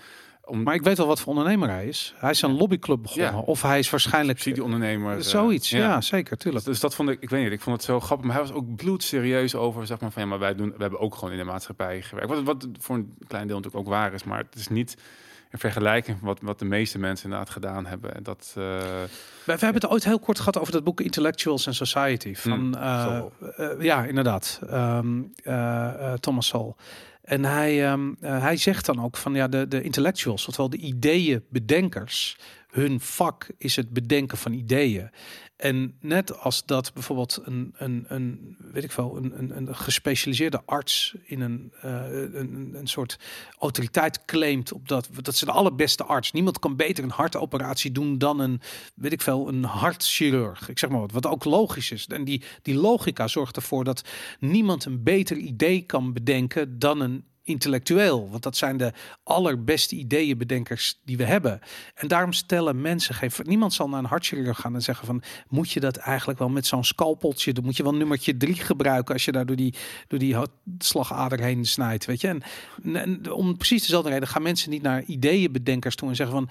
wat de fuck is er mis met je? Dat is toch niet een goed idee? Mhm. Maar die, en die ideebedenker zal dan zeggen, als dat al gebeurt, die zal dan zeggen van nee, maar ik ben een, ik ben een professioneel ideebedenker. Weet je, ik ben een intellectueel. Ik ben een, ik ben een hele goede ideebedenker. En die ideeën die ik nu bedenk, dat zijn, dat is bijvoorbeeld dat we alle bomen gaan kappen en ze opstoken in houtovens. Want dat is goed voor de CO2-uitstoot. Want we meten die CO2-uitstoot niet als het van die opgebrande bomen komt, maar wel als het van gas wat veel groener is, eh, als het daarvan, dan meten we het wel. Weet je, en Mm. dat je zoiets hebt van, je, je bent zo krankzinnig dat je, omdat je idee zo slecht is, dat wil je verhullen. Daardoor ga je de manier waarop je het uitkomst van je slechte idee meet, ga je veranderen. Want ondenkbaar dat je gaat tornen aan de eh, autoriteit van ideeën bedenken. Mhm. En dat is wat Thomas Sowell zegt in Intellectuals and Society. En dat is echt zo waar. Dat geldt, dat gaat helemaal over politici. Ja, en dit is dus ook precies zeg maar de, de ehm, ehm, hetgeen wat praxiologie, praxio- praxiologie onderscheidt van dus inderdaad dit soort wetenschappen. Want zij, zij willen niet voldoen, niet werken met wiskundige modellen. Maar dan, dan ben je toch al snel geneigd in, in dit soort rare meetkunsten zeg maar te verdwalen. Maar zij gaan dus uit van dat logisch deduceren van, van, van, van, van, van zaken en van ideeën. En Ja. vanuit een aantal eh, ehm, axi- axioma's die gewoon onomstotelijk soort van ja, niet bewezen zijn, maar gewoon je, je ziet dat in het leven. Zeg maar. Je kan een mens handelt bewust, zeg maar, of een, een mens handelt bewust om zijn, zijn, zijn, zijn leven en, eh, te verbeteren, zeg maar. En die uitkomst. Dus de, als de uitkomst is van je goede idee dat je failliet gaat Mhm. aan het, nadat je het idee hebt uitgevoerd, dan was het dus niet zo'n goed idee. Ja, Dus kunnen we deduceren, wetenschappelijk onafhankelijk, dat het niet een goed idee was. ja. Dus, maar dat is een, hoe een ondernemer verantwoordelijk wordt gehouden voor zijn ideeën. Mhm. Maar deze politici, als ze de hele wereld naar de klote helpen. Ik bedoel, wordt Zelensky verantwoordelijk gehouden voor het feit dat hij oorlog eh, heeft lopen zoeken met Rusland? Mhm. Nee, weet je, zijn idee was een slecht idee. Dat kunnen allemaal vaststellen aan welke, voor welk team je ook bent, dat dat, dat land is naar de kloten. Dat heeft Zelensky gedaan. Nou, gefeliciteerd. Was niet zo'n goed idee. Kunnen we dat, die conclusie in ieder geval trekken? Mhm. Weet je, ik bedoel, lijkt me wel, toch? Mhm. En dat is, dat, dat, het probleem is, politici, ideeënbedenkers, hoeven geen verantwoording af te leggen, omdat ze niet geïnvesteerd zijn in hun idee. Mhm. Ondernemers zijn wel geïnvesteerd in hun idee. En dat is die praxiologische, praxiologische eh, eh, insteek, ja, ja. grondslag. Ja, ik vind, ik moest over idee. Ik vind ook wel grappig dat je, zou de podcast kunnen zien als, en het klinkt misschien heel oneerbiedig, maar maar wij zijn second-hand dealers of ideas. Ja, Dat is een idee van Hayek. Die zegt van die, die dus ehm, het, het, het eigenlijk uitzoeken van zeg maar de beste ideeën die, die, die er zijn. En dat dan, eh, dan comprimeren en dan weer eh, verder vertellen aan een, aan een groot publiek die daar dan zijn, eh, ja, da- daar aan de slag gaan gaan. Ik moest eraan denken, dus toen we nu het over ideeën hebben en over praxeologie. Dat, eh, ik vond dat iemand zei dat een keer tegen me van, oh ja, je bent een second-hand dealer in ideas. Ik vond dat, ik, eh, ga het, ik, ga nu mijn LinkedIn op. ja, ja, precies. ja, maar dat, eh, dat, dat, dat is... Is het een dealer in second-hand ideas? Of, Ja. ja, dat is het, hè? Ja, nee, ik ga gelijk, ik zweer je, ik ga mijn LinkedIn updaten zo meteen. Ja, want ik denk, want ik vind het wel, wat, wat die guy dus ook gisteren zei bij die meeting, van, ik besef me dat ook niet vaak, dat ik, maar jij hebt het ook, zeg maar, ik lees heel veel. Ik vind het heel interessant inderdaad, omdat dat wandelend hoofd ben, zeg maar, om heel Ja. veel te bekijken, te analyseren, te bevragen. En ik merk ook dat, er- dat heel veel mensen daar eh, misschien wel de interesse in hebben, maar niet de tijd voor, of wat minder interesse. En dus dat de dingen die we bespreken, die misschien zijn voor mij vaak heel, ehm, hoe zeg je dat? Ja, niet bekend, maar of is vanzelfsprekend vaak. eh, eh, en dat, maar dat is dat, nou goed, dat, maar dat komt omdat je heel veel leest. ja, En, en, en kan daarvoor kan je bepaalde dingen in een bepaald perspectief plaatsen. En ja, ik vind het gewoon leuk omdat ik vind het leuk dat misschien terug naar de podcast dat dat doen en bespreken, zeg maar, eh, dat, dat, dat veel mensen daar zeg maar heel veel mee hebben. het is ook zo. En het is een, het is een soort, eh, het is een exercitie die, eh, ik, ik heb dat altijd, ik heb vroeger veel geschreven. Dus ik, ik, weet je, ik schreef voor bladen en weet ik echt van alles en nog wat. En w- voornamelijk over videogames, moet ik eerst zeggen, maar niet altijd, maar voornamelijk over videogames. En, en het, het, het schrijven van een artikel dwingt je om je eh, argumenten eh, eh, in logische volgorde te plaatsen. En doe dat een paar keer en je Mhm. wordt soort van getraind om je verhaal te vertellen Mhm. nog voordat je het vertelt. Dus je, je bent al bezig van oké, dit is een sterk punt, dat niet, dat wel, dat wel. Oké, dan ga ik het zo, dan begin ik zo daar en dan eindig ik daar. En dit is het punt wat ik wil maken. Dit is mijn conclusie, weet je. Dus je, je hebt die verhaal. Als je dat veel doet, zit dat gewoon op een gegeven moment in je, in je, in je verhaal. Mhm. En dan word je goed in het vertellen van een verhaal. En ik denk dat eigenlijk dat, dat het maken van deze podcast doet hetzelfde. Mm. Want het, is, het zijn steeds onderwerpen waar ik niet heel erg van nature in thuis ben. Inmiddels, oké, inmiddels doen we deze podcast een jaar. En ben ik misschien een jaar of drie bezig. Misschien iets langer met, met, met, met, met libertarisme of met praxiologie. En maar nog steeds kom ik dingen tegen die echt nieuw van me zijn. En als we dat dan Mhm. bespreken in die podcast, heb ik gezegd van ja, dat is op die manier, ja, dat is belangrijk. En, en dat, nee, dat werkt niet echt, weet je. En dat, dat werkt heel goed. En dat vind ik heel tof. Mhm. Weet je? Dat, eh, ja, ik denk wat dat betreft, die, die podcast werkt therapeutisch, omdat het je Ja, precies, traint ja. je hersens. Dat is een goede. Dat, dat is misschien wat ik net wilde zeggen. Het is inderdaad een soort van... eh, iedereen is getuige van eh persoonlijk stukje therapie hier in, in, in de podcast.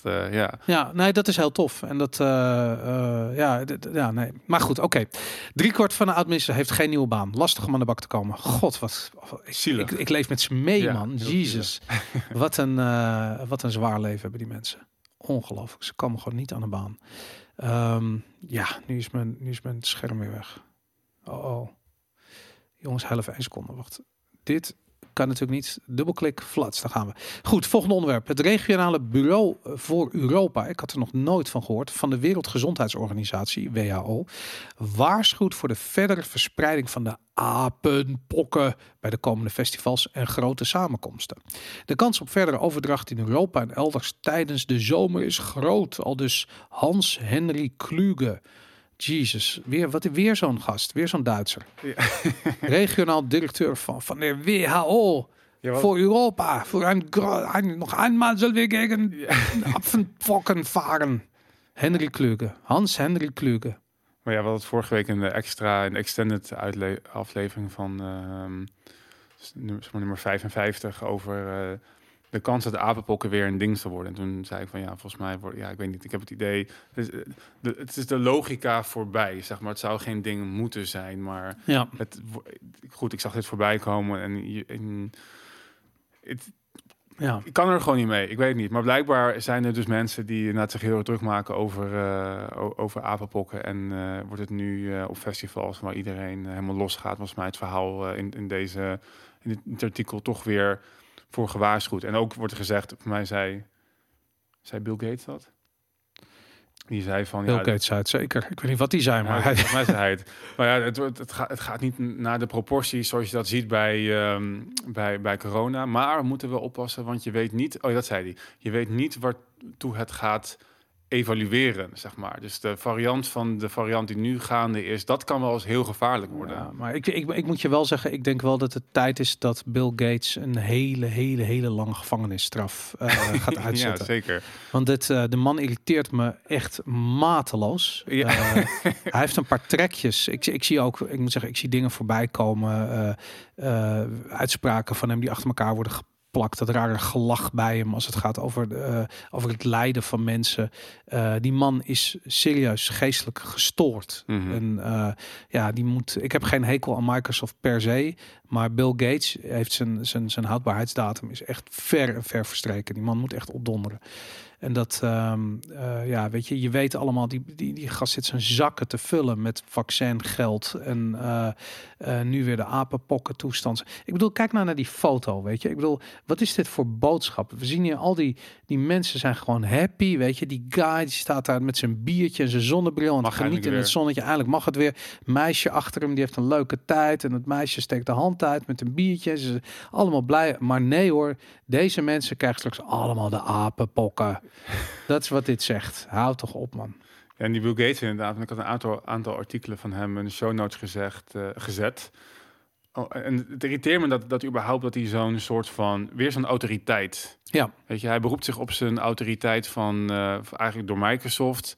En, en later de Bill en Melinda Gates Foundation... en bezig met vaccins al heel Hij is lang. geen autoriteit. Hij is geen arts. Hij is een helemaal. Hij, is niet, hij heeft geen school afgemaakt. Nee, Die man weet net zoveel van, van, van, van geneeskunde als ik, bij wijze van spreken. Dat is gewoon, hij heeft gewoon verstand van geld verdienen. En hij heeft gewoon veel geld verdiend met het stelen van MS-DOS. Hè? Want dat heeft hij ook niet zelf ontwikkeld. Hij heeft een of andere ontwikkelaar heeft hij dat afhandig gemaakt. Daar Mhm. is Microsoft groot mee geworden.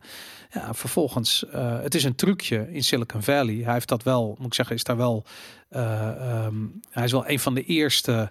ehm, hoe zal ik het zeggen? Ehm, ehm, ja, ik wil het woord eigenlijk niet zo. Hij is gewoon een van, een van de eerste tech-ondernemers Mhm. in Silicon Valley die, eh, die gewoon heel rijk is geworden. Omdat hij toegang had tot eh, eh, venture capital al heel vroeg. Ehm, ja, dat trucje is later nog een aantal keer herhaald. Natuurlijk andere grote bedrijven in Silicon Valley. Maar hij heeft dat als eerste gedaan. En dat, daar is hij heel rijk mee geworden. En dat hij vervolgens die gezondheidstoer opgegaan is. Omdat zijn vader een, eh, eh, de eugenica aanhing. En hij eh, waarschijnlijk ook. Ehm, ja, dat is vervelend. En nu moeten al deze mensen hier op dit festival, die nu gelukkig zijn dat ze daar een biertje kunnen drinken, die moeten bang worden gemaakt met apenpokken en, en een of andere, weet ik veel, medische behandeling opgedrongen krijgen waar hij geld aan verdient. Hm, ik wist dat niet van zijn vader. Ja, ja. Ik moet meteen denken aan op, bij Davos. Ik zag een tweet voorbij komen over de, de Pfizer CEO. Heb je dat gezien? Nee. Ik geloof het de Pfizer CEO die zegt ja we willen de wereldbevolking. Ja, er wordt echt mega babbel nu, maar die we willen de wereldbevolking reduceren met 50%. Maar dat heeft hij op Davos gezegd. Er, zijn, er is een video snippet van, zeg maar, op Twitter gaat daar voorbij. En ik, en ik weet dat Bill Gates het ook al heel lang zegt dat, we, dat, dat de bevolking moet met 50% afnemen om sustainable te kunnen zijn. Ja, ja, ja, dat zijn, dat zijn, dat is de eugenica inderdaad. Dat is die club van Rome Ja. die dat op een gegeven moment. eh, En dan kan je afvragen van ja, oké, dat is leuk, maar we hebben nu niet 50% minder mensen, dus hoe wil je dat gaan, gaan doen? Nou goed, daar kan je dan over gaan, gaan, gaan speculeren. Weet je wat het erger ervan is? Dat we zitten al in een, eh, doordat we te maken hebben met zoveel inflatie. In tijden van inflatie krijgen mensen minder, minder kinderen. Mhm. Weet je, waar vroeger eh, eh, iemand die een middenklasse baan had, een gezin met twee kinderen kon onderhouden, daar nu moeten beide ouders een topbaan hebben om dat gezin te kunnen onderhouden.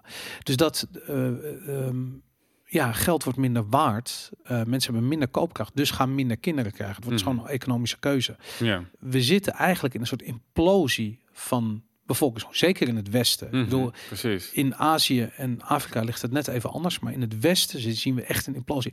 En dat heeft eh, Angela Merkel ook gezegd. Dat is een van de redenen waarom zij een miljoen asielzoekers eh, binnen wilde halen. Mhm. Omdat we anders straks niemand meer hebben die het werk gaat doen. Mhm. Ze heeft dat letterlijk gezegd. En die agenda is, die is er gewoon. Ja, we, we zitten hier met een. En waarom de fuck moet er nog eh, moet de helft van de bevolking eh, weg? Weet je, ik bedoel, Mhm. dat, is, dat is gewoon raar. Het, het is echt bizar. Dat is ook, we hebben het nooit over gehad, maar de overbevolkingsmythe.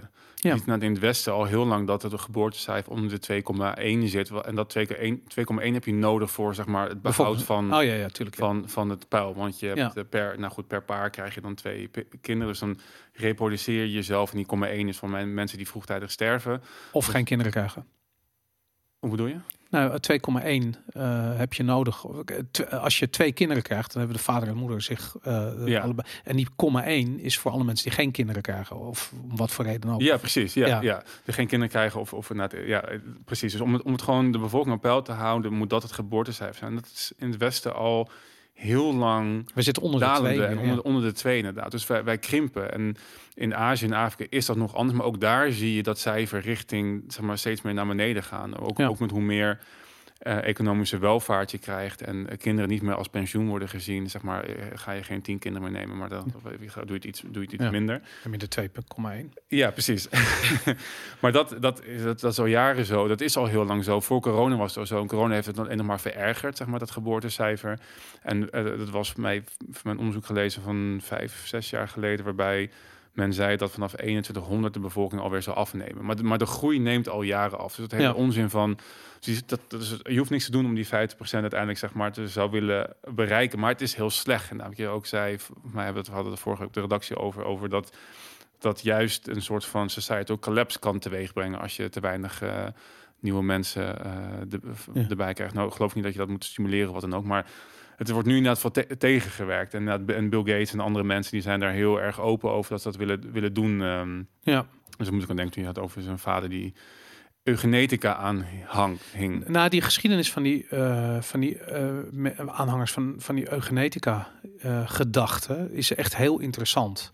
En je hebt, eh, ehm, we, we moeten daar een aparte aflevering een keer over maken en daar en over het werk van Thomas Malthus gaan praten en hoe Henry Kissinger is geïnspireerd door een boek eh, van Machiavelli dat heet The Prince Hm. en hoe dat eigenlijk onze huidige politiek eh, kenmerkt. Hm. En dat, dat is echt heel interessant. Daar, moet, daar moeten we het over hebben. Ja, Maar misschien is dat niet voor deze aflevering, maar dat, dat, ja. dat gaan we doen. Maar ik kan nog een aflevering. Dus die, die gek, die mafkees Bill Gates, die had het dus over dat er een 50% kans is voor de, dat de volgende pandemie man-made is door climate change. Ja. Of, eh, ehm, eh, want het staat in de eerste regel, zegt Ja. hij, of will be caused by a man-made, door man-made climate change, or be deliberately released by a bioterrorist. Ja, Waar komt dat opeens vandaan? ja. Een soort van, oké, we weten opeens allemaal dat corona door een bioterrorist is gereleased. Namelijk het Wuhan Lab of Virology, wat door fucking Bill Gates zelf eh, gefinancierd is. Ja, dat is inderdaad wel grappig. Dus dan zitten er twee kanten aan het verhaal. Dus één, een soort van ehm, het narratief dat het überhaupt een, een, een biotech gaat zijn. En maar misschien nu ook al geweest. Want ik denk van ja, maar hoe zit dat nu dan? Nu, de theorie zijn nu natuurlijk ook over dat de corona gewoon een, een, een bioweapon eh, is. Pokken is al heel lang, want pokken, dus maar de, de, de normale pokken zijn al heel lang zeg maar uitgeroeid. Maar elk, zijn heel veel labs in de wereld die dat nog gebruiken. En misschien ook het, daar de gedachte gaat dat gebruikt hebben als of willen kunnen gaan gebruiken als biowapen. Of het, Ja. en, dat, en dat aan het modificeren zijn. ehm, dus het is, het ligt, ja, ik weet niet, het ligt heel dichtbij bij dat soort. ehm, Zo is het vroeger ook gebruikt. Hè? Dus bijvoorbeeld de, de Inca's en Indianen in Zuid-Amerika, die werden.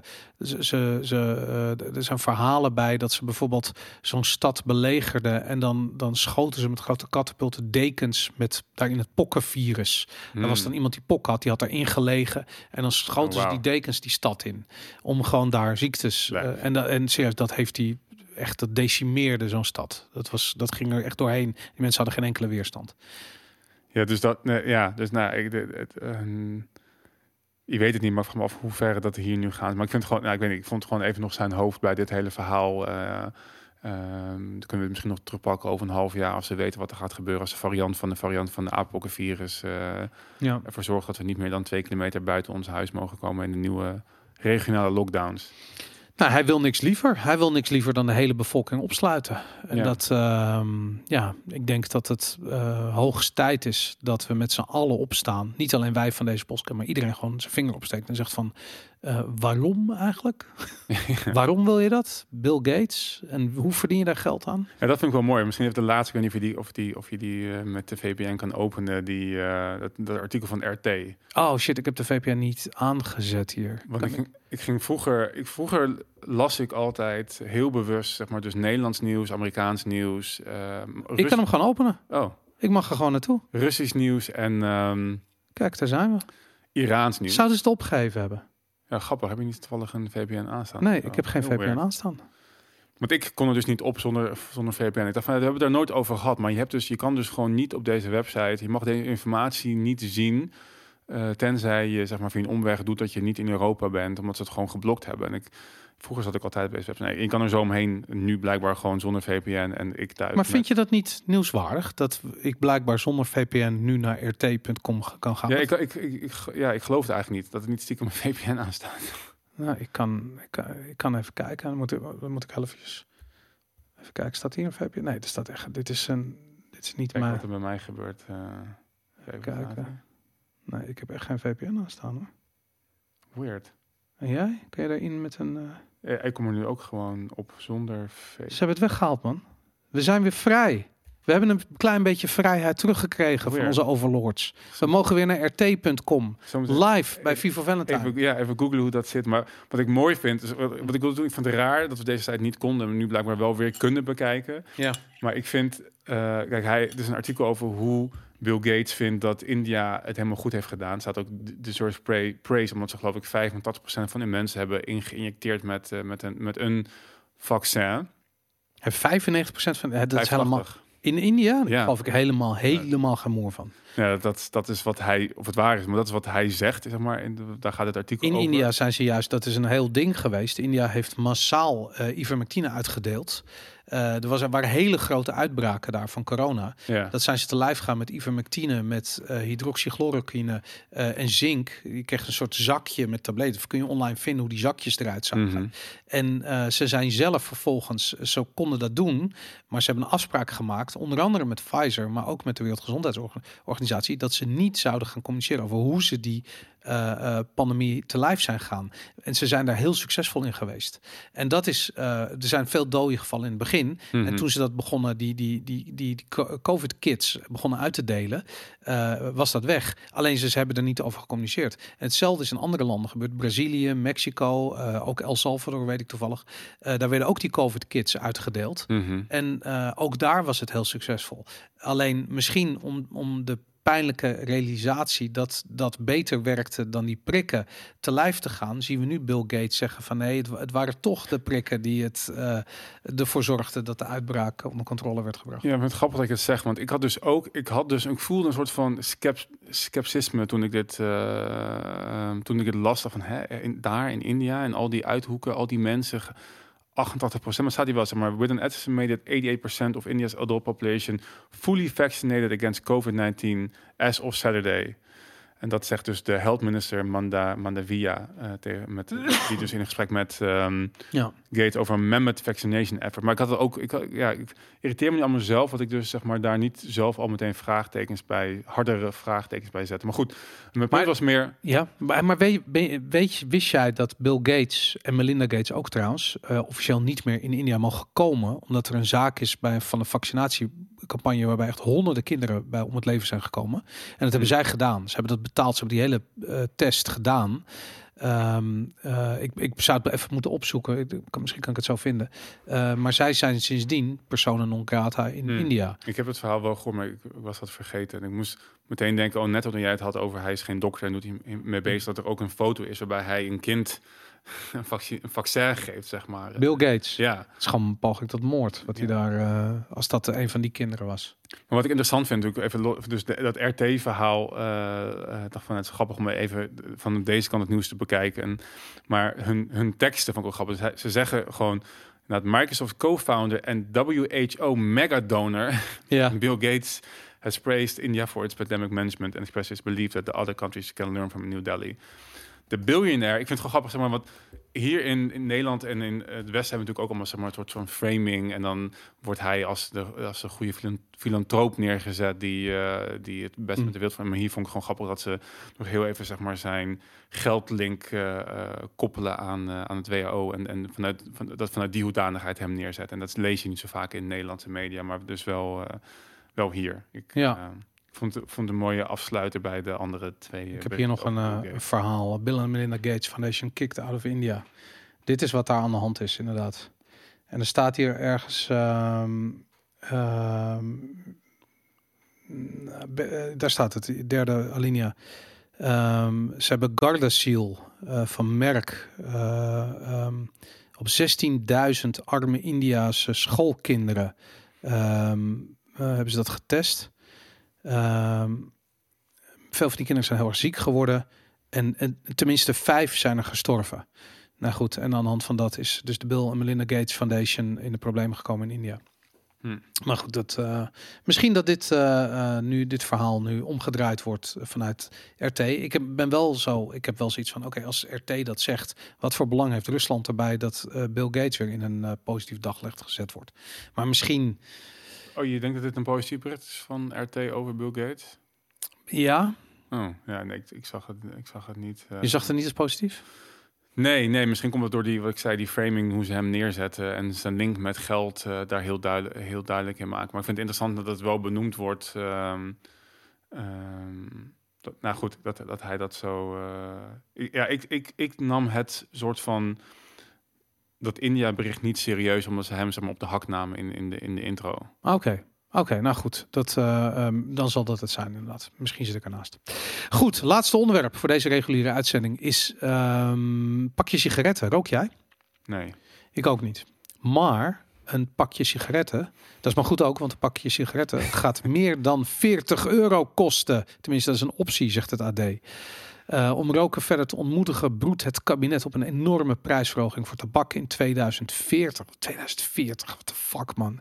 Meer dan 40 euro per pakje. Maar ik heb zoiets van waarschijnlijk is een, eh, eh, weet ik wel, een pak melk dan ook meer dan 40 euro als we die inflatie zo doortrekken. Dus is dat nou zo'n zo'n zo'n big deal? Dat is, ja, ja, dan, ja, dat is nog zonder. Dit is nog zonder, zonder de inflatie. Zeg maar, dit is gewoon op huidig prijsspel, belasting gaan ze het gewoon ehm, keer, keer, keer vijf doen of zo. Maar maar waarschijnlijk betaal je gewoon 100.000 euro eh, central bank digital currency euro's voor je eh, pakje pakje, sigaretten ja. in 2040. Dat, eh, en, en 50 social credit points. een ja, dat ook nog eens een keertje. Ja, dan moet je kiezen of je op vakantie gaat of een pakje sigaretten koopt. Dat, eh, dat ga je krijgen. Maar het is toch wel mooi dat het kabinet zo begaan met ons is. Dat ze zeg maar onze levenskeuze, eh, moeilijk, slechte levenskeuzes zeg maar zo ingewikkeld maken. Ja, Maar, maar blijkbaar toch niet zo begaan om het dan te verbieden. nee, nee, nee, nee. Verbieden, dat gaat wel ver. Nee, ze draaien aan de prijsknop. Oh ja. Dat is, ja. dat is wat er staat ook. Er is een prijsknop in Den Haag. Ja. En daar zitten, ze, daar zitten ambtenaren die zitten achter die knop. En, eh, op een maand zat iemand de hele dag, eh, De hele dag, die, ja. die prijsknop op te draaien. en dan in Inflatie. 2040 ga je het effect daarvan zien. Dan kost opeens een pakje sigaret kost, kost 40 euro. Ik heb wel zoiets van... ehm, sorry, maar dan rook je je wiet toch gewoon puur? Ja. of niet? Ik begrijp helemaal niet wat de big deal is. Dat is dan veel goedkoper. Maar goed. Dat snappen mensen in Den Haag niet. Nee, daarom inderdaad, joh. Maar blijkbaar is dat dus in Australië, Australië is dat dus al deels zo. Hè? Dat betaal je dus bijna 30 euro voor een pakje Ja, sigaretten. ja dat is, volgens mij gaan mensen echt op vakantie naar Indonesië en zo daar. Om dan terug te vliegen met een slof sigaretten. Ja. ja. dat mag dan. eh, Dat, eh, goed, whatever man. Het kan maar geen flikker schijnen. Nee. Heel erg eh, lekker belangrijk. Ehm pakje sigaretten dus. 40 euro. Als het aan, eh, aan Hugo de Jonge ligt. Nee, wie doet het nu? Eh, Wie is nu? Oh, dat is die kale. Natuurlijk. Die oh, kale. Henk Kuipers, ja. Kuipers, ja, Ja. Kuipers doet dat. Ehm, ik denk dat we daarbij moeten stoppen. We zijn nu 1 uur 20 minuten bezig eh, met deze 56e aflevering voor Vivo Valentine. Eh, Dank je wel voor het kijken hier op YouTube. Vergeet niet, aanstaande zaterdag hebben we eh, de bespreking van de Sovereign Individual. Een legendarisch boek, zowel eigenlijk de Bijbel voor alle vrije marktdenkers die zich bijvoorbeeld bezighouden met dingen als Bitcoin bijvoorbeeld. Of ehm, eh, ja, werken zonder grenzen. Misschien omdat je een, een, een digital nomad bent. Nou goed, dat, dat hele concept wordt voor het eerst eh, omschreven in de Sovereign Individual. Eh, de gewone eh, review van een half uur, pak een beet, staat op YouTube, op dit kanaal. En er staat een lange versie op Vivo Valentine voor al onze tribe members. Daar op vivovalentine.com kun je straks ook verder kijken naar deze reguliere uitzending. Daar gaan we nog door met onder andere kolencentrales in Nederland. We gaan het hebben over. Ehm, eh, over Amerika. We hebben een heel ding over Rusland en Trump. De oorlog in Oekraïne komt nog heel eventjes voorbij. En we gaan het nog even hebben over ehm, eh, de EU die heel graag een peacekeeping force wil hebben. Nou, je weet al hoe dat gaat eindigen. Eh, waarschijnlijk gaan ze geen vrede handhaven, maar vrede afdwingen. En wel hun vrede om precies te zijn. En dat betekent geweld naar jou toe. Hartstikke leuk. Gezelligheid. Tot volgende week.